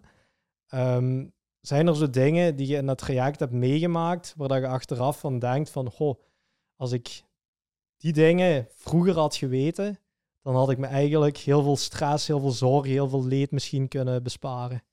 Ja, zijn wel een aantal dingen. Ehm, maar een van de belangrijkste tips, eh, waar ik echt ook heel veel spijt van heb gehad, dat ik dat in het begin niet heb gedaan, eh, is, is als je een afspraak maakt met iemand, dat dat ook duidelijk op papier staat. Ehm. Ik heb het wel een aantal keer aan de hand gehad, dat ik oftewel een, een telefonische afspraak eh, had en een mondeling akkoord had, Mhm. dat de auto dan wordt afgeleverd en dat nadien, wanneer de auto klaar is, bij de betaling ineens een, een, een heel gedoe was, dat de prijs anders is of, of dat de prijs niet was afgesproken of dat ze toch iets anders hadden verwacht. Oei. eh, of dat er een, via mail dan wel een oorspronkelijke prijs was afgesproken. Ja. Dat ze dan de auto binnenbrengen, extra dingen vragen, doe dit en dit en dit ook maar. Mhm. Dat ze dan de auto komen halen en dan zeggen van ja, maar dat, is- dat heb ik niet gevraagd. En dan uiteindelijk, je hebt niks op papier, je kunt Nee, heel moeilijk iets bewijzen. Eh, ja, Ja. dat is... Dat is dat is heel lastig, denk ik. ja, hè? inderdaad. Want je, allee, eigenlijk je gaat ervan uit, ze komen binnen voor die behandeling. mhm. Maar zij zeggen dan waarschijnlijk zelf van, oh, maar je doet ook dit. Oh, maar ik wil dat ook. Oh, en ik wil dat misschien ook. Terwijl dat misschien een meerkost is van, van een paar honderd of misschien zelfs duizenden ja, euro's. Klopt. Ja. Je gaat daar dan op, op allee, je bent een goede persoon. Dus Mhm. je, je op vertrouwen zeg je van, ah ja, oké, maar dan, ja, dan gaan we wat in de planning aanpassen. Dan gaat je dat doen. Je hebt er letterlijk al dat werk in gestoken. En dan in één keer zeggen ze gewoon van, ik, ik ga dat niet betalen. Of, of ja, klopt. hoe, zijn Eh, die, hoe zijn die, dan, die dingen dan afgelopen? Hebben ze die dan uiteindelijk Uiteindelijk- betaald? Of? Uiteindelijk is, ze, hebben ze dat al betaald, maar ja. Ja. na zoveel maanden, Oei. de hele tijd op en af en, en eigenlijk een soort van ruzie maken met, met die klanten, Ja, ehm, is dat dan wel in orde gekomen. Dus dat is wel een, een belangrijke tip, dat alles op mail staat. Alles ook als er papier. veranderingen zijn, telefonische afspraken gemaakt worden, vraag ik altijd om gewoon even via mail te bevestigen. Ja, Ehm, dat kan heel veel eh, miserie uitsparen. ja. ja. Ik heb eigenlijk ongeveer hetzelfde gehad. Ehm een klant die hier eh, allemaal materiaal eigenlijk binnenbracht om te verkopen. Dat wordt dan allemaal uitgeladen. Ehm, ja, in het begin, dat was ook hier komen heel vaak klanten die hebben volledige trailers vol. Hè, met, en ze weten eigenlijk zelf nog niet eens echt wat ze bij hebben. Ze gooien dat hier allemaal binnen. Er is dus geen inventaris. Als we daar ter plaatse een inventaris van moeten opstellen, en dan zijn we gewoon een halve dag bezig. Ja. Dus ja, dan is het zo'n beetje op vertrouwen van oké, ja, het is hier afgezet en eh, ik heb dan wel het geluk, hier hangt een camera voor de poort en binnen de hal heb ik ook een camera laten hangen. Dus je hebt er wel ieder geval zicht op wat er binnenkomt. Maar dan, ja, achteraf kwam die klant van, hé hey, maar eh, dit is er niet bij en dit had ik ook gebracht en ehm, ja, dat staat allemaal niet eh, op de veiling. Dus hè, waar is dat materiaal allemaal gebleven? Ik ben 100% zeker dat het bij u staat en dit en dat. Terwijl dat hier allee, Ja, niet was, klopt. niet was Ja, ja, ja. binnengekomen. En ga dan maar eens bewijzen, hè, want er staat niks op papier, Mhm. dat dat, dat, dat ja, gepikt is of, of, of dat die klant eh, allee, eh, aan het liegen is. Ja. Je, ja, je weet het eigenlijk niet. Hè? Dus vanaf, allee, vanaf toen heb ik ook gezegd van kijk, elke klant die hier komt, ik neem niks aan als er geen inventaris van is opgesteld. En ik denk dat dat een beetje hetzelfde als, als u is. Hè. In het begin zit je wat, ja, wat, wat toch wat softer of zo, wat, wat meegaander van, ja, Ja, ook, hè, ook naïef dat, dat gewoon naïef. iedereen, je vertrouwt gewoon erin dat als iemand een afspraak Ja. maakt, dat hij ten eerste ook komt. Want dat heb ik in het Ja. begin ook wel vaker gehad, dat iemand een afspraak maakt en dan gewoon niet komt opdagen. Oef. Maar je hebt die dag wel ingepland voor die auto, misschien zelfs meerdere dagen. Ja. ja, die komt, dan komt die auto niet, dan, dan zit je ineens met een gat van een aantal dagen. Ja, dat is ook... eh, toen ik nog studeerde, dus het combineerde met, met studeren, is, is dat zo van, ja, oké, eh, jammer. Maar Ja. eens als je daar fulltime mee bezig bent, kan dat wel allee, grote gevolgen hebben. ja, tuurlijk. Dus eh, Je past heel je, je planning en, en alles Mhm. daarop aan. Hè. En als een klanten zo, ik zeg maar iets, een uur, twee uur te laat beginnen komen. ja, ja. Hè, je, je moet je wel weer bezighouden. Hè? Dus, eh, Ja, ja. En, en wat doe je daar nu mee? Zeg je dan veel strikter van, van tussen zo laat en zo laat moet je hem komen afhalen? Anders dan rij ik hem buiten. bij wijze Nee, ik, maar ik, zeg gewoon van, ehm, als je de auto dan wilt komen halen, dan moet die voor dit tijdstip binnen zijn, anders is de volgende dag. Ja, Eh, want ik heb ja, minimum aantal uur nodig per behandeling. Ehm dus ik zeg van ja, de auto tussen 8 en 9 binnenbreng en die komt om, om 10 uur of om 11 uur, ja, dan is het gewoon een dag langer dat ik daaraan bezig ben. ja, Zodat, ja, ja. Je moet er, Eigenlijk een, eh, een je moet er- simpele oplossing. ja, je moet er iets harder in zijn. Eh, Ja. Ook al hoort de klant dat meestal niet graag, maar als er afspraken zijn gemaakt, dan moet je... Tuurlijk. Ja. Ja, ja, dat was bij mij ook. Dan, dan spreken we af van eh, het is binnenbrengen voor de volgende veiling tot die datum. En dan staan ze hier in één keer twee dagen later.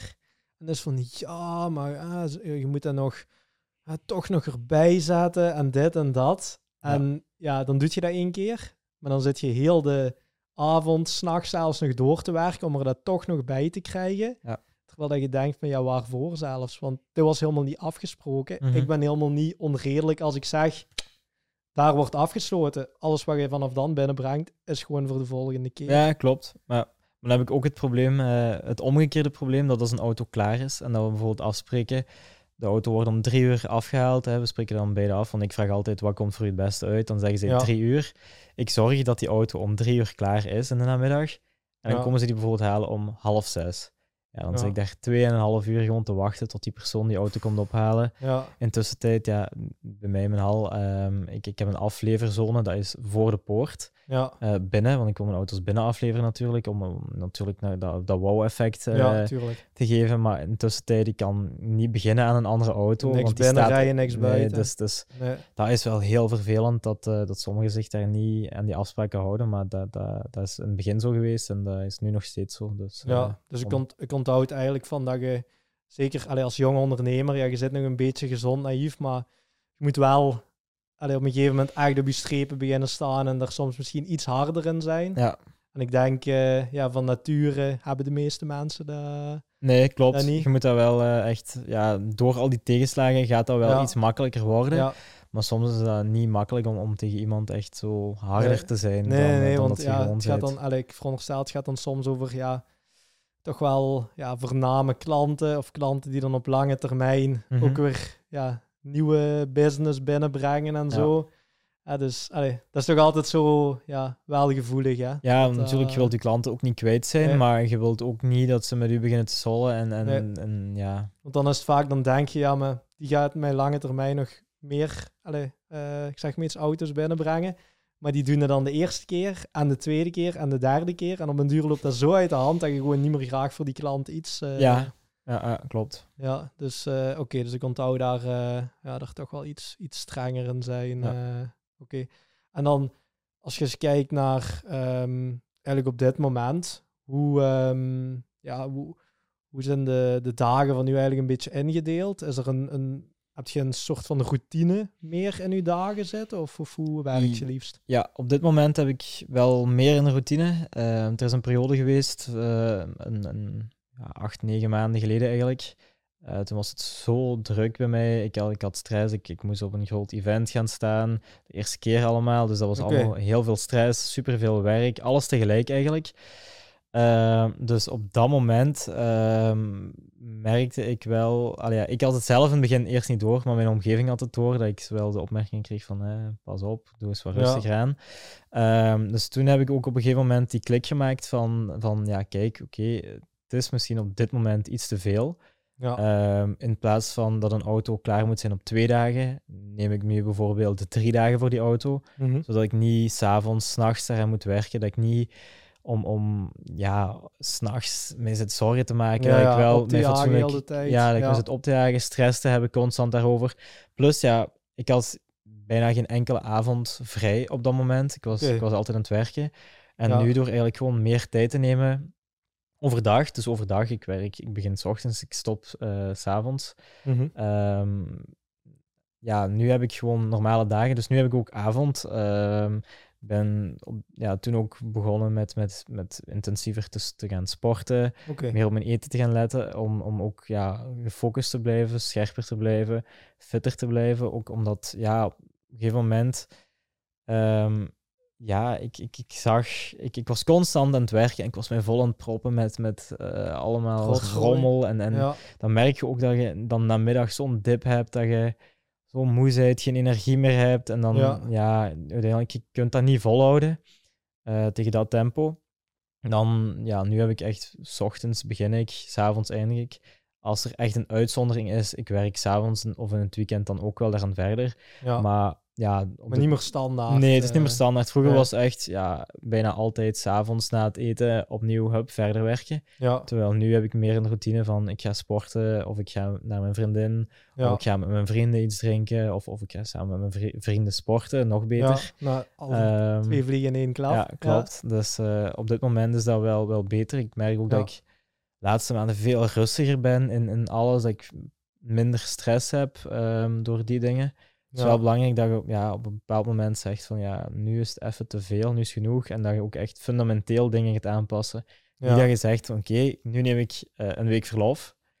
En Ja. na die week verlof is het weer opnieuw zo. hetzelfde. Ja. Dus dat, dat, dat helpt niet op dit moment. Het is wel allemaal veel beter. eh, Ja. Dan gaat je een week op verlof en dan eh, zit je, of twee weken, en dan zit je de eerste week niks waard. En dan zo alle stress eruit komt. En, ja, en dan nog één weekje genieten en dan is het weer terug eh, naar hetzelfde eigenlijk. Ja, ja. Ja, want allee, ik, heb, ik heb ook iets vergelijkbaar gehad. Ik had op mijn duur ook zo, ja, in het begin, allee, en daar wil ik zeker ook niet slecht praten van, allee, je weet dat ook als je een eigen zaak hebt. Ja, in het begin is het echt gewoon knallen, hè? gewoon allee, Mhm. proberen om iets op te bouwen en je moet een beetje cashflow genereren en je moet zoveel mogelijk nieuwe klanten aantrekken en zo. Ja, dat, dat is gewoon een, allee, ik denk dan, ja, meestal het eerste jaar, eerste anderhalf jaar is dat, allee, Ja, klopt. Dat is, dat is Echt in het begin echt een obsessie, hè, dat je daarmee Ja. bezig bent en je denkt daarover, je, sla en je, droomt daarover. Alles wat je doet, het gaat in het teken van dag. Je wilt daar ook de hele tijd mee bezig zijn en je laat daardoor soms andere dingen ja. die ook heel belangrijk zijn Daar vallen. zeg je iets, het woord obsessie. Bij, ik denk ik tot nu toe iedereen die ik heb gesproken, die zei in het begin van, ja, je, zit, je zit bijna in een, in een soort van tunnel. Mhm. Hè? Je zit, dat is je doel. Je wilt hè, in ieder geval dan een detailing, eh allez, een, grote detailing eh, shop worden met, met een mooie werkplaats, met mooie auto's, mooie klanten, mooie resultaten.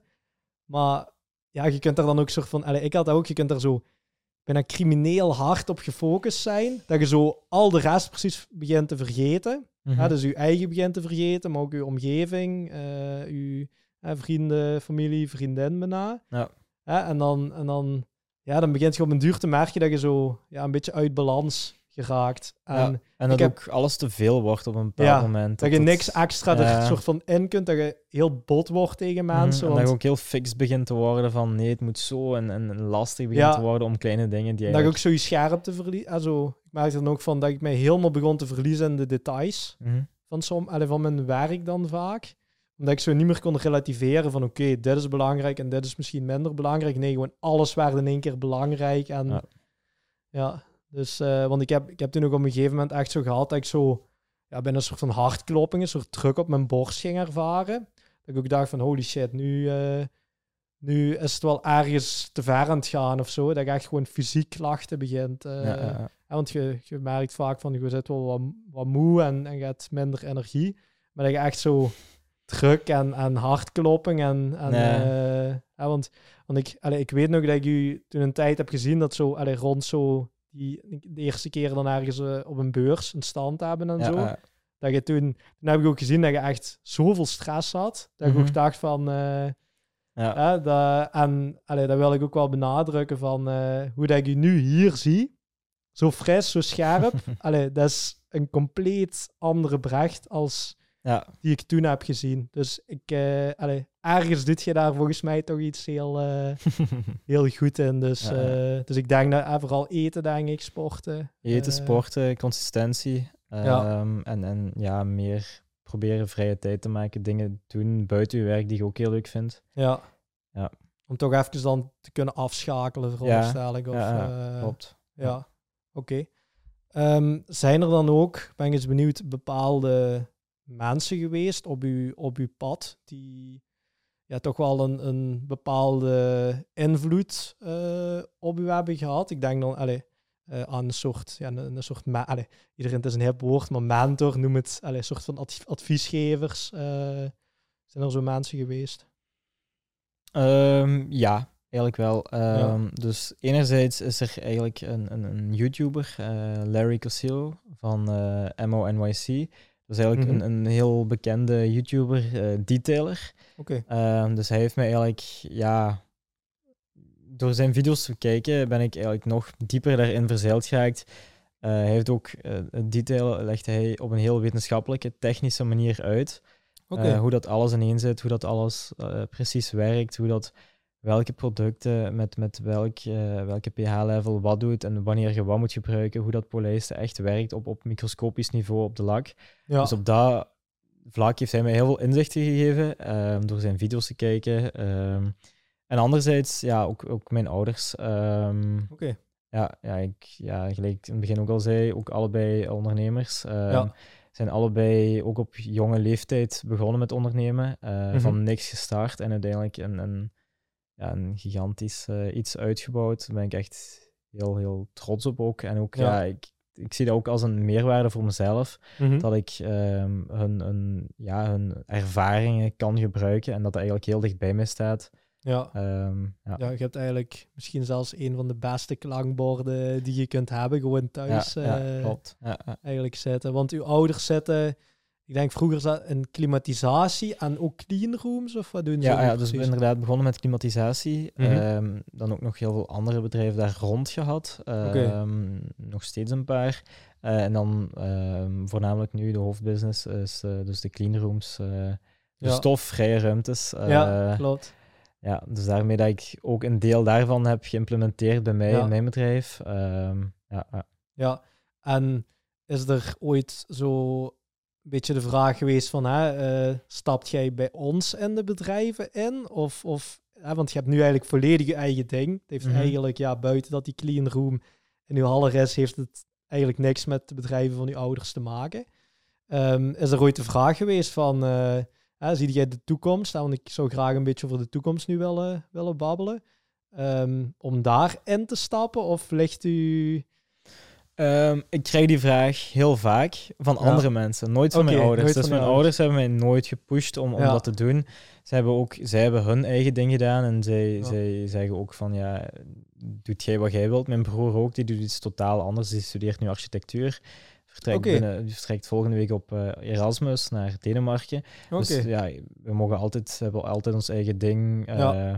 Mogen doen. Fijn. ze hebben ook nooit gepusht om, om dat over te nemen of juist niet. Dat is gewoon eigenlijk eh, puur. Ik heb mijn ding gevolgd, ze hebben hun ding gedaan. Ehm, dus nee, eigenlijk, er is nooit eh, Ja, van hun die vraag gekregen. Nee. ja. Maar je hebt zelf misschien ook niet op dit moment echt het, de ambitie eh, Op dit moment niet. Nee. om heel de tent over te nemen Nee, of nee. zo. Nee, nee, op dit moment niet. Wil ik eerst mijn eigen ding proberen. Ding, Ja. ja. waar ik nu bezig ben. Oké, dus want dan zou ik graag eens kijken van hè, de, de, de toekomst. Ik weet als ondernemer, ja, je zit vaak als je heel hard aan het werken bent elke dag, dan zit je een beetje bijna van dag tot dag aan het leven. Maar ik weet Mhm. dus al dat jij toch wel stappen hebt ondernomen om toch iets meer lange termijn er eh, met, met focus en, en met goede gezondheid in te gaan zetten. Ehm, ja, denk je dan ook wel eens na van, hè, van op dit moment, hè, waar zitten we nu, eh ergens half augustus, waar zou je allee, dan noem ik een vrij korte termijn, over één jaar graag willen staan. Ehm, over één jaar, ik zou sowieso nog, nog zelf actief willen bezig zijn met het Mhm. detailen. Maar hopelijk dan met iemand die, die part-time in dienst is, of, of ja, misschien fulltime, maar echt dat ik wel die ondersteuning heb ook. Ja. Ehm, ja, en, en ja, nog steeds blijven groeien. Nu ook elke maand die er komt, is eigenlijk, ja, ben ik aan het groeien, dus zie ik positieve stappen. Ja. Ehm, dus ik hoop dat dat zo aanblijft eh, Mhm. voor, voor, allee, voor een jaar, het komende jaar. Ja. Ja. En als je dan kijkt, hè, dan, want je mocht één jaar is, is vrij kort, dus denk ik redelijk duidelijk voor u. Als je nu eens gaat kijken naar vijf jaar, ik weet dat dat echt super lang lijkt vanaf Mhm. hier. En vijf jaar geleden waarschijnlijk denk ik nog maar net begonnen of nog net niet. Ja, ja, toen had ik al zeker niet kunnen denken dat ik Nee, nu hè? had of, of zat waar dat ik nu Ja. sta. Ja. Ja, dus, dus ik bedoel, kijk dat traject wat je hebt afgelegd, kijk waar dat je nu staat. dus dat is echt, allee, vijf jaar mogen we, vind ik dan een beetje dromen. Mhm. Waar zou je op vijf jaar heen willen? Ik denk dan bijvoorbeeld aan van, hè, wilt je nog een ander idee gaan uitwerken? Of wilt je echt nog dit opschalen tot... Ehm, ik zou binnen vijf jaar zou ik eigenlijk eh, nog steeds willen bezig zijn met detailing, maar dan dat ik eigenlijk ehm, een team onder mij heb staan en dat ik eigenlijk ja, ehm, als supervisor eigenlijk tips, tricks kan geven aan iedereen of als er vragen zijn dat ik rond kan gaan. Maar Ja. ik niet meer echt elke dag bezig ben met, met, het, met het aanbrengen, met het... eh, operationeel ja, echt. meer met, het, meer Ja. met het bedrijf bezig zijn. Ja, ja, ook eh, ik hoop binnen vijf jaar dat ik ja, meer zo die marketing, sales dingen heb. Eh, want dan merk ik van mezelf nu dat ik dat nog mis. eh, dat Mhm. ik dat nog ontbreek, dat dat nog een belangrijk aspect is tegen mij. Allee, voor mezelf. ehm, ja. ja. je, je bedoelt dus eigenlijk nog echt ja, meer eh, bijleren rond hoe trek ik de juiste klanten aan, hoe moet ik Ja, ja. mijn diensten nog beter vermarkten dan. Ja, Ja, ja. ja. oké. En dan, ja, dit is echt, dit is next level, maar dat is eh, tien jaar. Waar wil je op tien jaar zitten? Ehm, dat is, eh, Dat is nog heel lang, hè? lang. Ja. Ehm, ja, ik, ik hoop dat nog steeds Ultimate Car Detailing dan, eh, dan bestaat, dat dat goed gegroeid is, dat ik daar niet meer elke dag hoef te zijn, dat, dat, dat alles goed verloopt. En dan, ja, ik heb heel vaak eigenlijk nog andere ideeën van, van andere bedrijven die ik ook wil starten. Soms zijn dat heel gekke ideeën, soms zijn Mhm. dat dingen gewoon omdat ik het graag doe, net gelijk ik de car detailing heel graag doe, deed, doe. Ja, Ehm, dus, dus ja, wie weet kan er dan nog iets Ja. anders zijn wat ik dan ook nog doe. ehm, ja. Ja. dus je zou op lange termijn wel soort van de capaciteit, de ruimte iets meer willen vrijmaken. Om dan, ah, moest je iets anders leuks tegenkomen of, of iets anders erbij kunnen doen. ja, ik wil dit sowieso wel blijven doen, Ja. eh, maar dan eventueel nog gewoon iets anders. eh, Ja. ja. Iets erbij. eh, Ja. Oké, mooi. Heel duidelijk. Dan, eh, ja, dan denk ik dat we redelijk het einde al eh, van de podcast naderen. Maar ik zou eigenlijk nog ja, misschien drie vragen willen stellen. Ik zou willen beginnen van... we hebben een beetje je traject gezien. Je hebt eh, veel hoogtepunten gehad, veel dieptepunten. Maar wat is nu zo, zeg maar... ehm, ja, echt dat je van zegt van... Dit was nu echt het laagste waar ik heb gezeten. Of, of het, het echte diepste punt van heel Mhm. mijn ondernemerstraject. En wat is, het, wat is de, de hoogste high, het, het echte hoogtepunt waar dat je ook hebt opgezeten? Ehm, het diepste gaat dan toch zijn dat van, van acht, negen maanden geleden. eh, toen, toen ik er echt ja, te fel in zat, te, te fel door zat. Ja, Ehm, dat ook mijn gezondheid, ja, dat dat ook niet meer oké was allemaal wat ik deed. ja. Dus dat was eigenlijk wel het, het dieptepunt. Ehm, het hoogtepunt voor mij op dit moment is nog steeds ehm, ja, verhuizen naar de, naar de bedrijfshal waar ik nu zit. ja, Dat ik echt, ja, waar ik nu, ja, ik ben daar zo tevreden mee. Ik werk daar super graag. Alles is ehm, echt precies zoals ik het wou. ja. Dus eh, dat is nog steeds een van mijn hoogtepunten, dat ik iedereen daar kan ontvangen, dat, dat die auto's daar komen, dat ik daar die foto's kan maken. Ja. Eh, ja, elke keer als ik die foto's post dan op Instagram of Ja, op Facebook, dat is, dat is- dan ben ik wel echt trots dat ik dat zie. Dat, dat, dat, is wel echt... eh, Ja, ja, ja, maar ja, het is zo. En ik, en ik denk dat dat... Allee, we zijn als eh Belgen zo super bescheiden, maar ik denk, ja, gewoon het traject wat je hebt afgelegd. Allee, ik heb je ook echt zien gaan van letterlijk bij je thuis op de oprit, de Ja. auto's poetsen, naar echt een, ja, een next level bedrijfspand waar je de zotste auto's die, uh, allee, die ik nog nooit uh, had gezien, nu, uh, nu daar heb staan. Dus allee, ik vind dat dat wel echt chapeau is op, allee, op uw leeftijd.